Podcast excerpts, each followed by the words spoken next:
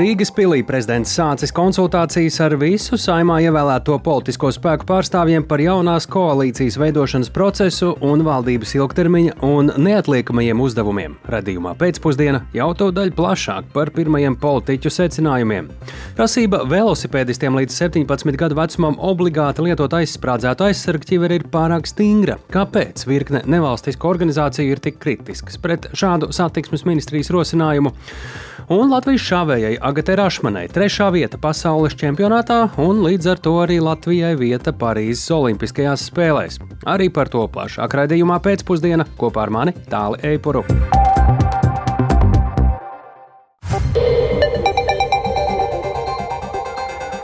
Pūkstens ir 16,5 minūtes. Skan pēcpusdienas ziņu programma, skaidrojot šodienas svarīgus notikumus. Studijā Tāls Eipurs. Labdien!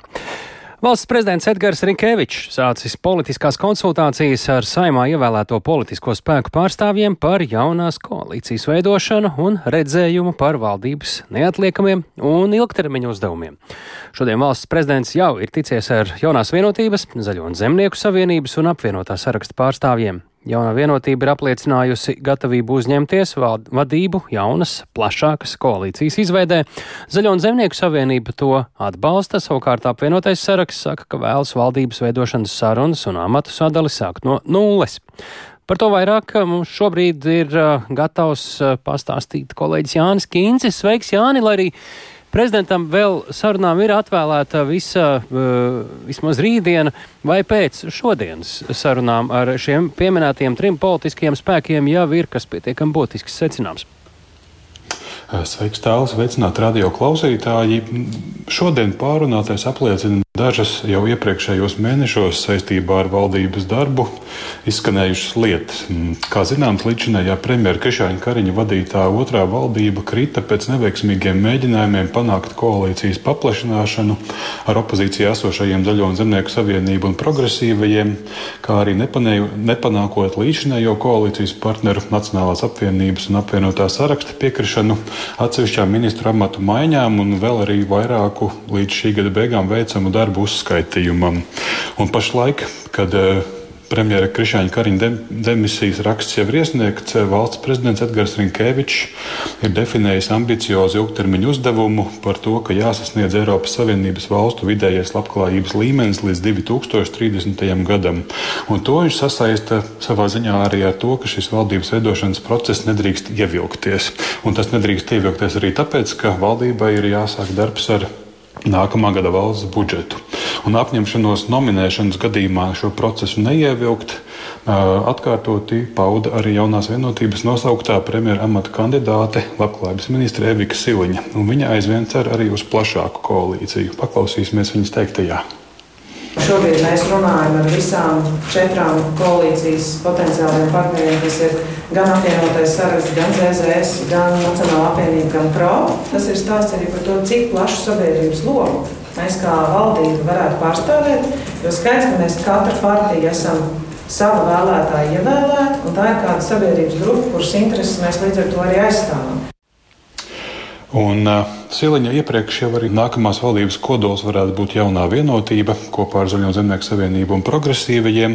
Un vienlaikus vēlamā versija par piecu politisko spēku koalīciju pašlaik neizskatās iespējama, jo Nacionāla apvienība nav gatava sastrādāties ar progresīvajiem.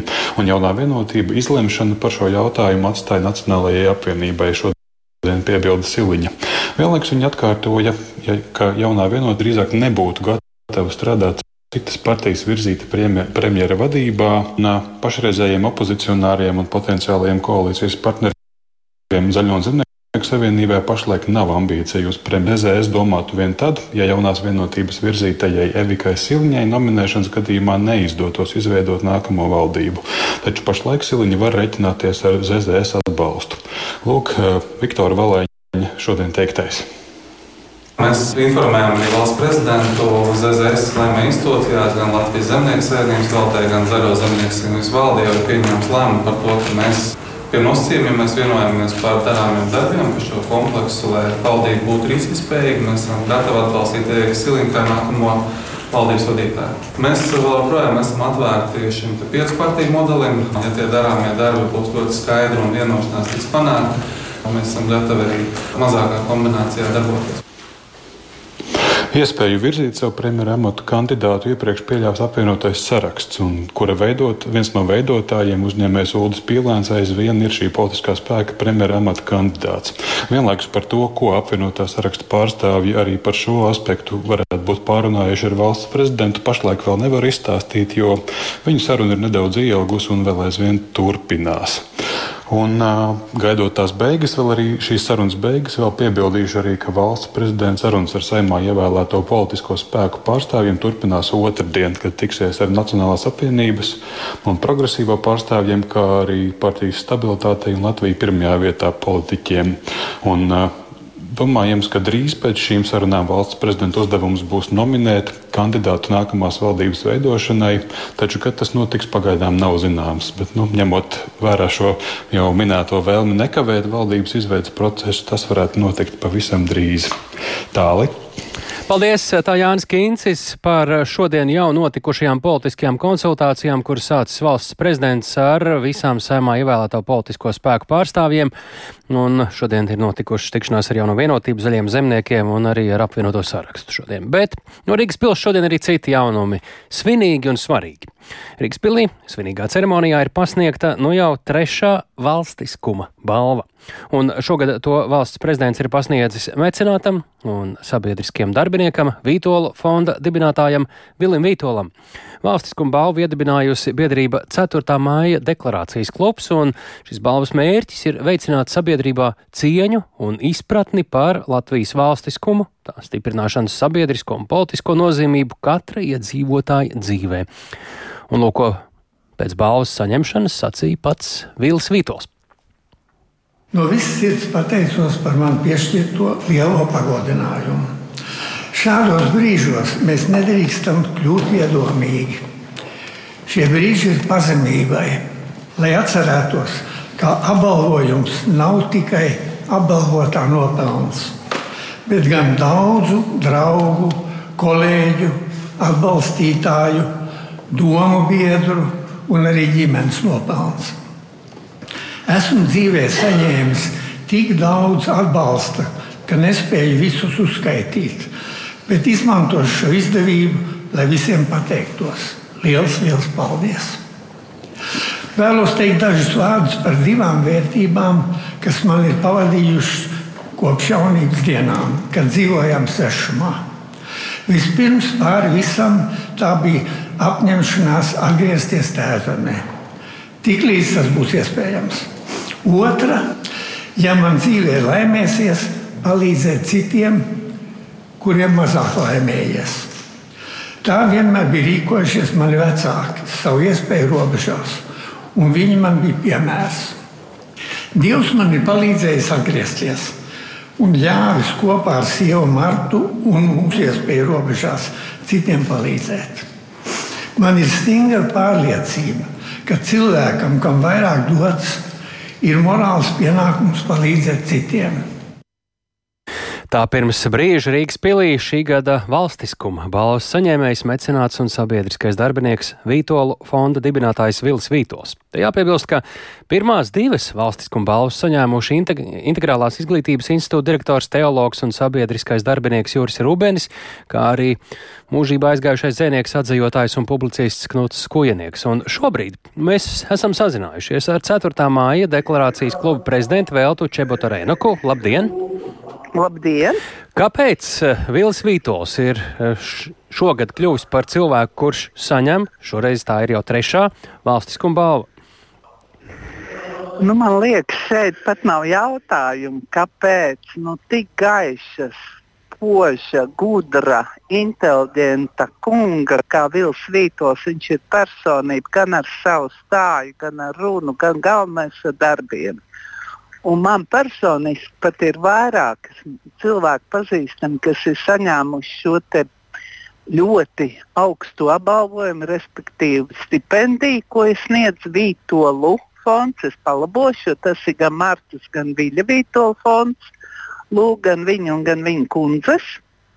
Un kas ir skaists šajā visā darbā? Ne jau tikai tas, ka Vils Vītols ir ļoti liels mecenāts un ir sācis palīdzēt jauniešiem, bet tie, kas beidz Hāvārdu, vienalga, kuru, ja, vai Amerikas vai uh, Britu kādu lielu augstskolu vai kaut vai Latvijas augstskolu, kuriem ir gudras galvas, bet nav tās rocības, palīdz tieši tas, ka šie jaunieši, pabeigdam, sākdam labā darbā strādāt, arī sāk turpmāk darīt to pašu, tātad kļūst par mecenātiem. Un bez Vītola fonda jau ir izveidoti pieci fondi, kas arī turpina strādāt un palīdzēt nākamajiem jauniešiem no Latvijas. Tas valstisks sniega bumbas efekts. Valsts balva ir viena no svarīgākajām Latvijas tieši valstī, un uh, to ne tikai pasniedz Rīgas pilī. Mums uh, tieši šodien vēsturiski svarīgajā 21. augustā, kad faktiski tika atjaunots Latvijas valstiskums, uh, un arī patrons ir valsts prezidents šai balvai, šeit arī balvas ieguvēju vārdus tā īpaši iemūžina. Jā, iemūžina. Uh, iemūžina, būs arī saimnes ēkā pie sienas visu balvu iegūt, ieguvēju vārdi. Arī tiek uz balvas šis vārds uzrakstīts. Un, mm, vēl bez visas gribēju papildināt, ka visi jau droši vien zina Latvijā, kas ir likteņdārs. Likteņdārs pirmais sponsors ar tiešām lielām naudiņām ir bijis tieši Vils Rītols. Tā ir izveidota pa ļoti skaistu svētvietu kurā tu aizēji pārdomāt par nākotni, domāt, arī atcerēties pagātni, bet bez smaguma plecos, ar tādu zināmu cerību, vēroties nākotnē, jo tur ir gan daudzs tecējums, gan akmeņkrāvums, gan koki, gan puķis, gan tagad jau bezgalīgi skaistais sajietnams.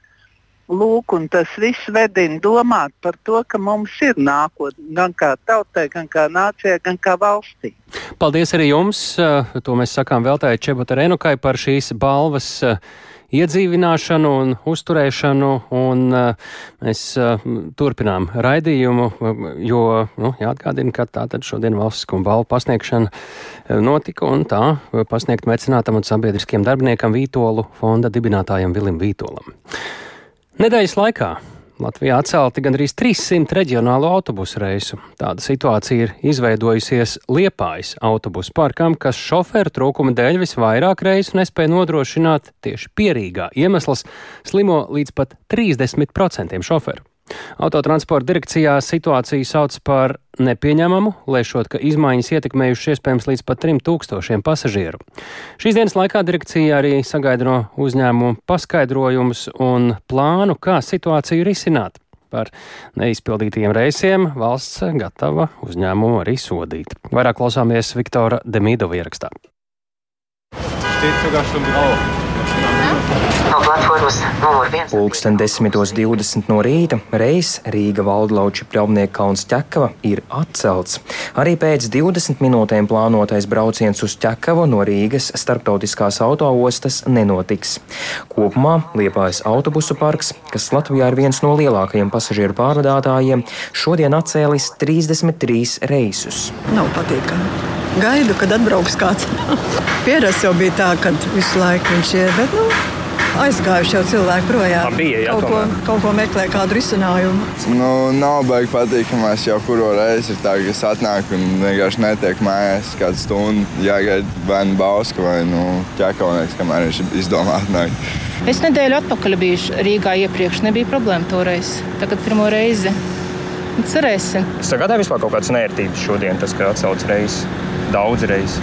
Protams. Tālūk saka uzrunātie pasažieri Rīgas autoostā. Kopumā nedēļas laikā Liepājas autobusu parks nav veicis gandrīz 300 reisu, no kuriem teju visi, jeb 270, ir atcelti pierīgā. Tā informēja autotransporta direkcijā, lēšot, ka izmaiņas ietekmēja iespējams līdz pat 3000 pasažieru. Lai problēmu ātrāk atrisinātu, līdz šodienas beigām direkcija no uzņēmuma sagaida paskaidrojumus un rīcības plānu, turpina direkcijas pārstāvis Viktors Zaķis. Pārdāt ražotājs ir apņēmies nodrošināt pilnā apjomā šo reisu izpildu. Šobrīd viņi ar to situāciju netiek galā. Autotransporta direkcija kritiski vērtē šo situāciju. Tas ir absolūti nepieņēmami. Kalkulēsim pēc noteiktas formulas arī soda apmēru. Kas viņiem pienāksies par neizpildītiem reizēm. Mēs esam šobrīd gan tikai augusta vidū, tas līdz augusta beigām jāpiestāsta šis rēķins. Internetā šo tur izskanējis ir, ka viņi saņem dotācijas, jā, viņi saņem dotācijas, bet nekad netiek dotācijas maksātas par neizpildītiem reizēm. Liepājas autobusu parka vadītāja Anna Valteri skaidro, ka uzņēmumā šobrīd slimo gandrīz katrs trešais pierīgas šoferis. Šāds, protams, skaits nav raksturīgs ar tādu parastu normu, kā teikt, un līdz ar to, jā, šādos apstākļos nav iespējams izpildīt visus reisus. Mēģinām aktīvi risināt un veltam visus resursus, veicam šoferu realokāciju no dažādām struktūru vienībām un no pārvadājumiem un arī aktīvu piesaistīšanas pasākumus veicam. Cik daudz reisu vēl būs atcelt un cik ilgi tā turpinās? Iemācījies, Valtere nespēja atbildēt, aicinot informāciju par reisiem pārbaudīt autotransporta direkcijas vietnē. Pēc Lursov datiem Liepājas autobusu parkam ir desmit akcionāru. Viens no lielākajiem ir Liepājas dome, kurai pieder aptuveni trešdaļa akciju. Pilsētas izpildirektora vietnieks un uzņēmuma padomes vadītāja vietnieks Dīdzis Jēriņš skaidro, ka pašvaldība ietekmēt uzņēmumu nevar. Viena ir tas, ka nu, autobusu parks nodrošina arī Liepājas pilsētā pārvadājumus. Un, uh, viņš ir komerces uzņēmums, un arī Liepājas pašvaldībai ir ierobežots akciju skaits. Tā kā tas nav tādas tiešas iesaistas, un arī pašvaldība nevar sniegt komersantam atbalstu, kas nav paredzēts likumdošanā. Lai pasažieri līdz ķekavai varētu nokļūt, autotransporta direkcijā aicina izmantot reisus, kas brauc uz Bausku, vecumniekiem un Baldoni. Viktors Demidovs, Latvijas radio. Bet kā uz situāciju kopumā raugās pasažieru pārvadātāji? Mēs esam sazinājušies ar Latvijas pasažieru pārvadātāju asociācijas prezidentu Ivo Ošenieku. Labdien! Labdien! Liepājas autobusu parks ir asociācijas biedri. Ja? Nav biedri. Nav biedri. Tad varam komentēt situāciju no malas, ja tā var teikt. Kā jūs skaidrot šīs ziņas, kuras šodien tikko arī visi kopā noklausījām, noklausījāmies, nu, kur tā teikt pietiek saslimt daļai šoferu un apstājas liela daļa reisu? Būtībā jāsaka, ka tā situācija ir vērtējama ļoti kritiski, jo šis nav pirmais gadījums šim uzņēmumam. Un, līdz ar to es ceru, ka sabiedriskā transporta padome šoreiz gan norēģēs ar ārkārtas sēdi ātrāk nekā iepriekšējā gadā, kad tāda pati situācija bija Ogrē un aizkrauklē. Jo būtībā tās, tās ir šobrīd sekas gan uh, šim iepirkumam, kas bija neadekvāts attiecībā uz sabiedriskā transporta pakalpojumu sniegšanu, gan tam, ka uh, netiek maksāts pienācīgs atalgojums šoferiem, jo vairāk nekā gadu šajā pierīgas lotē no pakalpojumu uzsākšanas šis autobusu parks Eh, stundas tarifu likme, eh, likme bija neatbilstoša konkursa nolikumam. 3,50 eiro par stundu, kaut gan nolikums prasīja 5 eiro. Būtībā šīs jau ir sekas. Jo, cik man ir informācija, tad kopumā nekāda pandēmija Latvijā nav izsludināta, lai būtu teiksim, šāds te autobusu vadītāju skaits, slimojošo vadītāju skaits. Jūs apšaubāt to reālo slimošanu un liekat domāt, ka citi iemesli var būt? Mm, es neapšaubu slimošanu, bet ir jāmeklē cēloņi, kāpēc e, šobrīd ir šāds liels slimošanas skaits, ja valstī nav izsludināta pandēmija. Mm. Un viens no aspektiem varētu būt lielais darba stundu skaits arī respektīvi cilvēki nogurst un līdzīgi. Kas būtu pats Jā. galvenais darāmais īsumā, uh, lai pasažieri neciestu un pārvadātājiem nerastos šādi sarežģījumi īstermiņā un ilgākā termiņā? Nu, īstermiņā ne, nekavējoties nodrošināt šos maršrutus. Un ilgtermiņā, kā jau es teicu, sabiedriskā transporta padome ir jāskata, vai šis uzņēmums uh, vispār ir spējīgs uh, nodrošināt tās saistības, ko viņi uzņēmās ar līgumu uh, desmit gadu garumā. Nu, tas nav pieļaujams, ka pasažieri paliek eh, pieturvietās un netiek nogādāti vai uz darba vietām, vai uz veselības aprūpes iestādēm un tam līdzīgi. Jo arī šeit izskanēja no autotransporta direkcijas jautājums par soda apmēriem.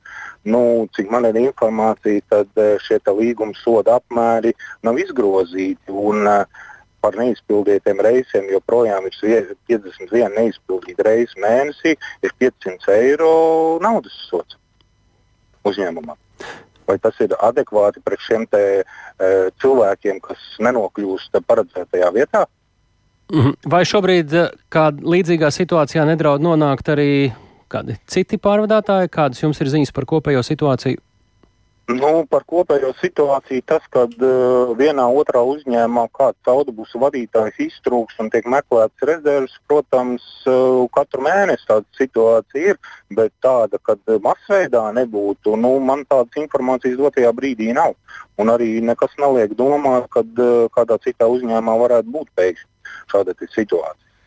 Tas eh, vieš cerību, ka šis ir eh, atšķirīgs eh, viens gadījums un ka ar to var strādāt. Sakām lielu, lielu paldies Ivo Ošaniekam, Latvijas pasažieru pārvadātāju asociācijas prezidentam, bet nu, par vienu svarīgu citu pārvietošanās veidu ar velosipēdu.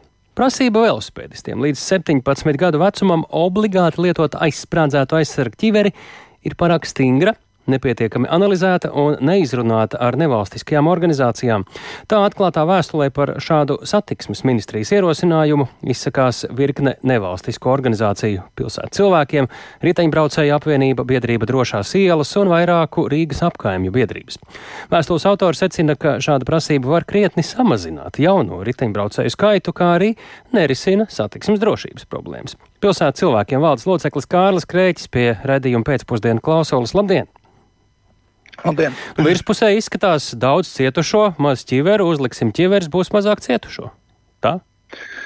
Nu jā, tā ir tāda ļoti primitīva pieeja, jo šie nu, secinājumi ir balstīti. Es nezinu, kur viņi ir balstīti, bet nav datu. Respektīvi, satiksmes ministrija nevar iedot datus par šiem negadījumiem, kā tieši viņi ir notikuši, kas tieši ir noticis, jā, teiksim, kādi ir apstākļi bijuši.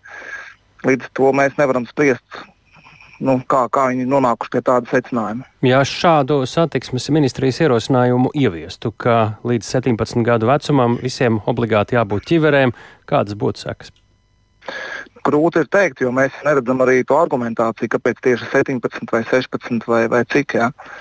Kā pat labāk gāja līdz 12, man liekas, pilnīgi uh, normāli, jo nu, bērniem ir raksturīgs tas, ka viņi nemāķi tik labi novērtēt situāciju. Jā, tad, tad ir kaut kāda uzmanības, varbūt ne tik ātra reakcija un tā. Uh, Bet uh, par vecuma slieksni tur būtu jālemj tomēr uh, nu, balstīt uz datiem, jābūt tiem lēmumiem, jābūt iesaistītiem ekspertiem. Nu, un to nevar viena mēneša laikā izlemt, vairāk, jo vairāk tāpēc, ka sākumā tika paziņots, ka visiem vajadzēs, un tad pēkšņi pēc pāris dienām tiek paziņots, ka līdz 17, no 17 vajadzēs, ja, tad, tad kā tas tiek tā izdomāts. To mēs pilnīgi nesaprotam. Kas notiktu ar riteņbraucēju kustību, ja šādu prasību iev gribētu ieviest dzīvē reāli līdz 17 mm. gadu vecumam, vajag visiem ķiveriem? Ir arī citu valstu pieredze, saprotu. Nu jā, nu, tad, tad, tad, ko mēs skatāmies no citu valstu pieredzes, vienkārši ja ir tādi uh, obligāti tādi kaut kādi uh, noteikumi, tad uh, attiecīgi tas mazina cilvēku motivāciju pārvietoties ar velo, un rezultātā tas sabiedrības iegūms būs uh, daudz mazāks. Uh, Eh, nekā ja cilvēki, kas fiziski aktīvi pārvietojas ar velo. Tad, eh, nu, sabiedrība zaudē, sabiedrības veselība pasliktināsies. Kā tad, ja jūs reiz kritiski izsakāties par šo ierosinājumu, būtu prātīgāk sasniegt to mērķi, vairot drošību, vairot veselīgu pārvietošanos, kā jūs teiktu? Nu jā, te ir jau 20. gadā Latvijas Republika parakstīta Stokholmas deklarācija par tātad, drošības uzlabošanu ceļu satiksmē. Un tur divas svarīgas lietas tika minētas. Ja, tad, samazināt apdzīvotās vietās braukšanas ātrumu līdz 30 km/h un palielināt arī soda apmēru par, par pārkāpumiem. Ja, jo Latvija ir viena no zemākajiem sodiem par, par ātrumu pārkāpumu. Un ātrums ir viens no, galvenais, viens no galvenajiem iemesliem, kāpēc notiek daudz smagu, smagu ceļu uh, negadījumu. Un, uh, diemžēl uh, nu, Saimana pat uh, balsojot par izmaiņām likumos, tātad likumos viņi uh, nolēma tomēr nenoteikt sodu par uh, ātrumu pār, pārkāpšanu līdz 20 km/h. Tad faktiski pat labam pilsētā tas nozīmē, ka, ja ir dzīvojamā zona 20 km/h, var pārkāpt faktiski divreiz, braucot uz 40. Un tas ir tikai brīdinājums faktiski autovadītājiem. Respektīvi, jūs sakāt, uh, uzlabot uh, situāciju, kas novērš uh, negadījumu iemeslus, tad arī ķiveres būs daudz mazāk vajadzīgas gadījumos, ja notiek tomēr kaut kas. Jā, jā, jāskatās, tad, kā tā situācija. Normāli cilvēks braucot uh, labu infrastruktūru, teiksim, veloceļu vai speciālu ielu, jā, tad viņš nekritīs. Nu, tad, tad krīt parasti tad, ja ir konflikts kaut kādas vietas, jā, krustojumi, izbrauktuves, nelīdzenas segums, jā, apmales, kas ir ļoti bieži arī pilsētās tā, tā ir. Jā, tad, tad bieži tā vidē tas uh, arī viens no iemesliem. Jā. Kāpēc, kā jūs saprotat, satiksmes ministrija tomēr šo ir sākusi virzīt? Nav jau it kā tur cilvēki pavisam nezinīši.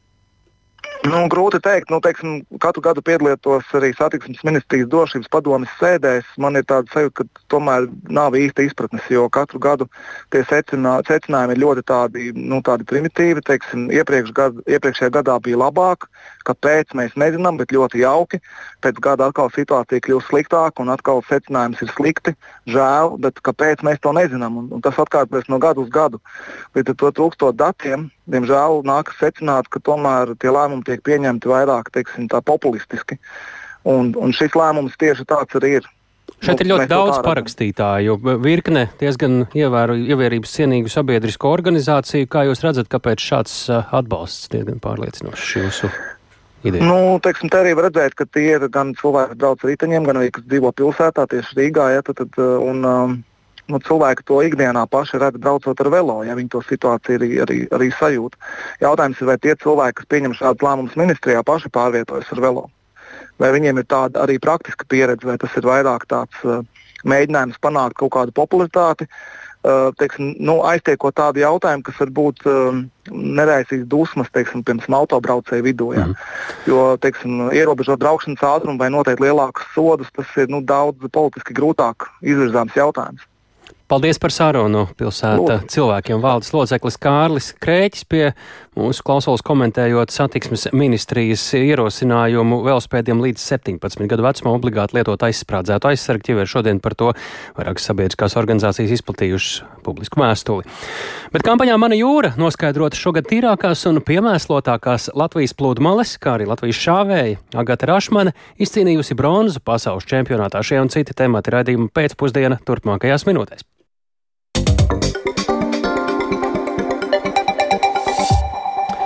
Uz Sauda Arābijas robežsargu pastrādātajām slepkavībām uz robežas ar Jemenu jaunā ziņojumā norāda cilvēktiesību organizācija Human Rights Watch. Tajā vēstīts, ka robežsargi ar ložmetējiem un mīnmetējiem apšaudījuši etiopiešu migrantus, kas mēģina iekļūt karalistē nelegāli šķērsojot robežu ar Jemenu. Ziņojumā tiek lēsts, ka pēdējos gados šādi varētu būt nogalināti simtiem neapbruņotu migrantu. Plašāk par ziņojumā pausto gatavs stāstīt Rihards Plūme. Jā, labdien!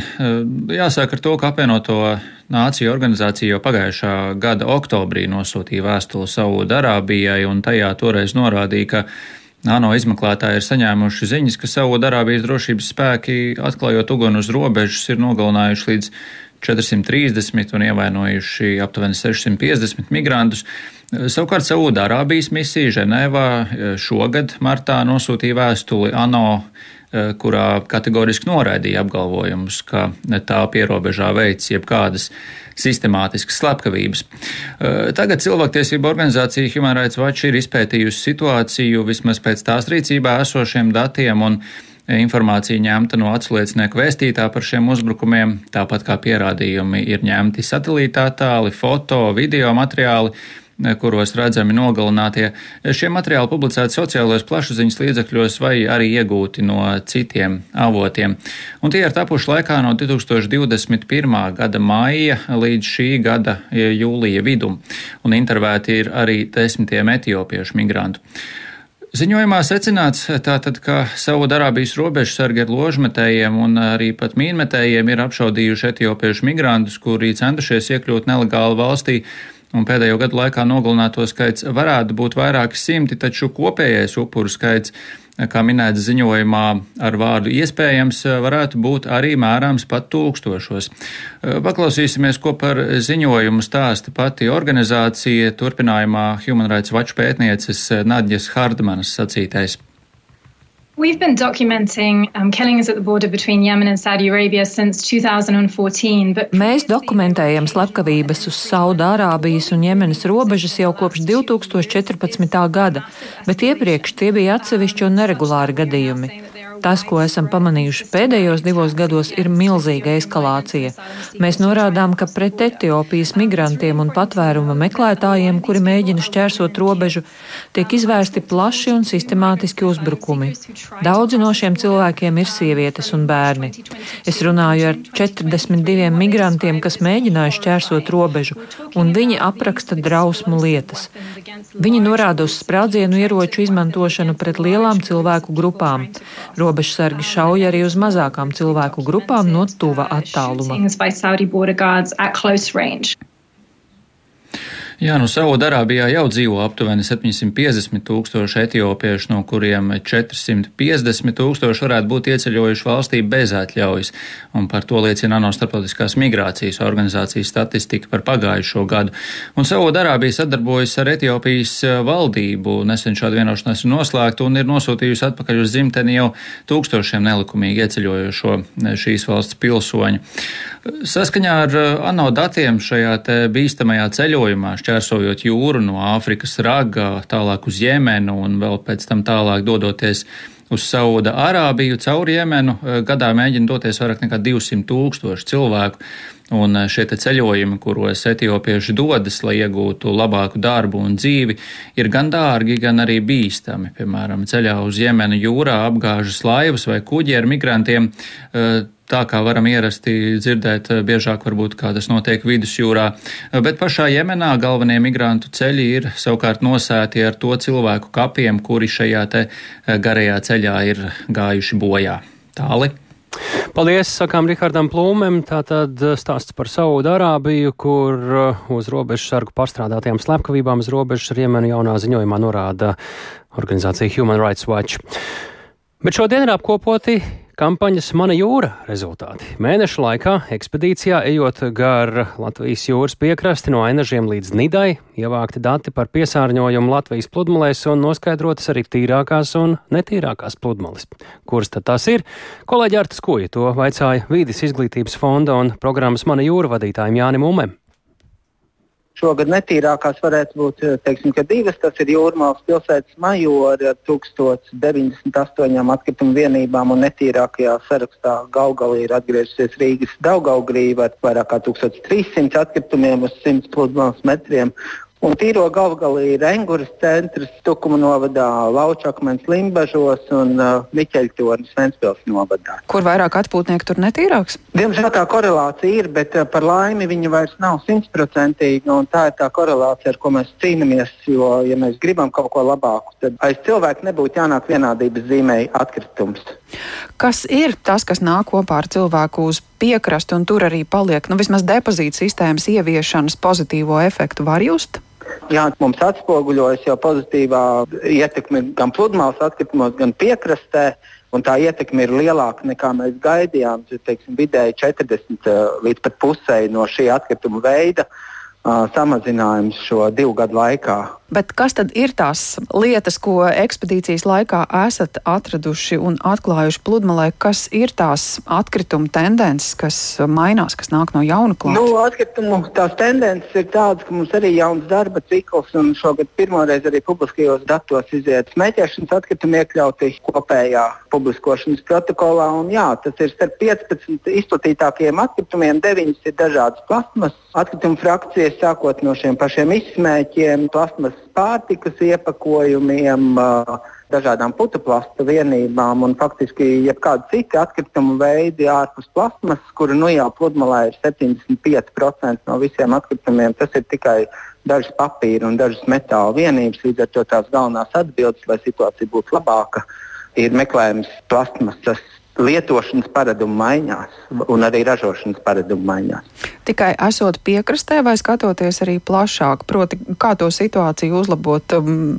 Iespējīgākie atkritumu konteineri, rūpīgāka tīrīšana. Kāds ir jūsu ierosinājums? Noteikti katrai vietai ir savs risinājums. Apsaimniekošana var nenozīmēt arī vairāk konteinerus, var nozīmēt arī prevenciju, Bet mēs skatāmies no šī gada labajiem datiem, labajām ziņām, kas mums ir, ir tā lieta, kas ir laba, kas strādā ierobežojumi, ekonomiskie instrumenti, sodi un kontrole.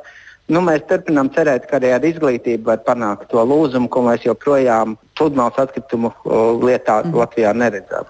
Vai ir kāds iemesls, kāpēc šoreiz ekspedīciju sākāt no ziemeļiem, nevis gājāt kā ierasts no dienvidiem?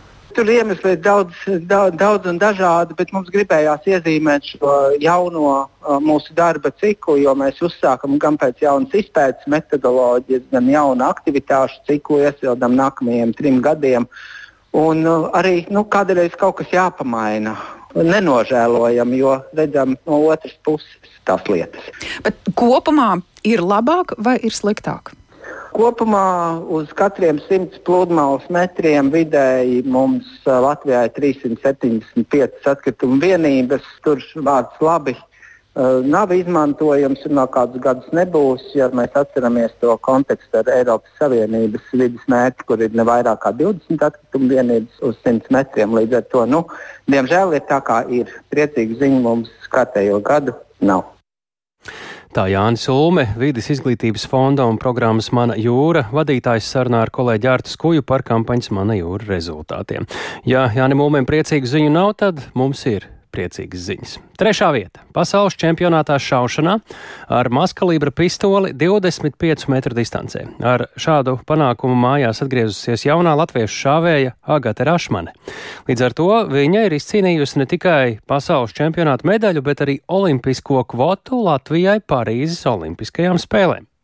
Plašāk par sasniegumu Latvijas šaušanas sportā sarunāsimies ar kolēģi Māri Bergu. Sveiks, Māri! Nu, saki, vai šī, um, šis nozīmē, ka Agata Rašmane nu jau ar uh, mierīgu sirdi var uh, eļot uh, šaujamo, gatavoties nākamā vasarā plānotajām Olimpiskajām spēlēm Parīzē?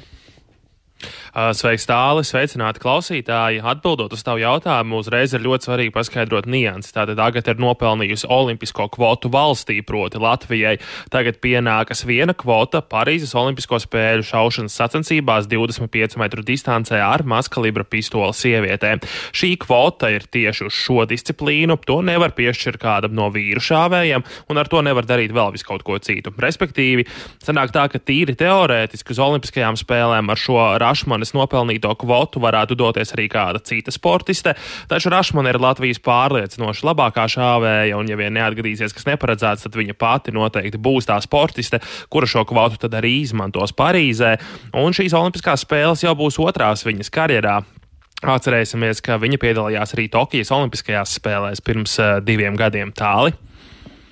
Jā, Māri, bija gods būt klāt tieši vērot viņas startu. Ļoti liela veltīšanās šim sporta veidam gan no viņas, gan no trenera puses. Līdz ar to, kā tu teiktu, cik liels nozīgu, nozīmīgs šis panākums ir vispār Latvijas šaušanas sportā. Nu, mēs, protams, atceramies Afanasiju Kuzminu, kas bija, ja nemaldos, ātra šaušana. Šis ir, šī ir cita disciplīna. Kā tu raksturot šī panākuma nozīmi? Nu, pasaules čempionāta medaļa, protams, tas ir nozīmīgs panākums visam šaušanas sportam Latvijā kopumā un arī, protams, pašai Agatē individuāli. Sacensībās piedalījās faktiski visas labākās sportistes un kopumā kvalifikācijā piedalījās 105 dalībnieces un rezultāti tur bija ļoti blīvi. Agatē izdevās sasniegt arī savas karjeras personīgo rekordu, savācot 586 punktus, kas ir par 5 punktiem vairāk nekā viņas iepriekšējais rekords. Tas, protams, šādā līmenī jau ir ļoti, ļoti ļoti daudz. Sašaujot 581 punktu, viņa kvalifikācijā būtu otrā desmita beigās. Kā tad Agatai aizritēja sacensības, kā viņa tika galā ar stresu un uh, pārdzīvojumiem sportisti, to pastāstīju šodien Latvijas radio pēc atgriešanās mājās Rīgā. Klausāmies! Finālā nokļūt jau bija prātam neaptverami, jo gan pirmajā dienā tika uzrādīts ļoti augsts rezultāts, un tad jā, tas vakars, gaidot otro dienu, tāds nesatraukties, nesadomāties un pašai darīt savu darbu. Un, jā, tad nākamās dienas rīts uz pēdējām kvalifikācijas sērijām, gan tas satraukums bija ļoti augsts, tad centos slēgt galvu ārā un ļaut muskuļiem darīt savu darbu. Tālūk šāvēja Agate Rāšmane tāli. Jā, Māri, vai par Agati varam runāt arī kā potenciālo cerību uz kādu no godalgām Parīzes Olimpiskajās spēlēs, jo, nu, cik es esmu vērojis šādas sacensības, tur tā konkurence ir ļoti sīva un uh, viss var izšķirties vienā mirklī. Jā, nu pilnīgi pareizi. Tu sāki, tāpēc neskriesim ratiem pa priekšu un neuzliksim kaut kādu lieku spiedienu agatē, ja tas šobrīd absolūti nav vajadzīgs. Un svarīgi atcerēties arī to, ka viņai jau ir Olimpisko spēļu pieredze Tokijā, to arī šīs sacensības toreiz apmeklēja klātienē. Līdz ar to šī pieredze, atmosfēra, satraukums, viss, kas nāk līdzi ar dalību Olimpiskajās spēlēs, tas viņai jau būs pazīstams, zināms un arī būs vieglāk ar to visu tikt galā. Kā jau tu teici, šaušanā konkurence ir ārkārtīgi liela, pāris punkti punkti, un tu no godalgotajām pozīcijām atkrīti kaut kur jau ap 20. vietu. Nu, te arī var teikt, ka vārda vistiešākajā nozīmē 2-3 punkti var izšķirt pilnīgi visu. Vai tu esi medaļnieks, vai tu esi kaut kur 20. 30. vietā. Agate noteikti var pretendēt uz labu rezultātu, uz to cer arī Latvijas šaušanas federācija.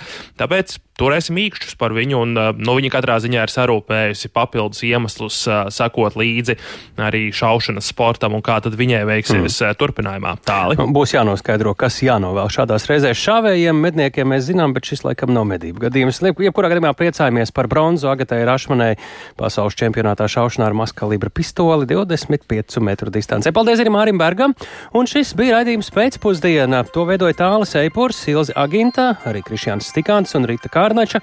Šo pārraidi pavisam noteikti varat uh, dzirdēt uh, Latvijas radio mobilajā lietotnē, meklējot dienas ziņas, un līdz ar to arī dalīties ar citiem. Ja uzskatāt, ka vai nu jums pašam vai kādam citam sevērtā laikā šis radījums būtu jādzird. Mēs sakām līdz rītam, 4 un 5 pēcpusdienā. Yeah.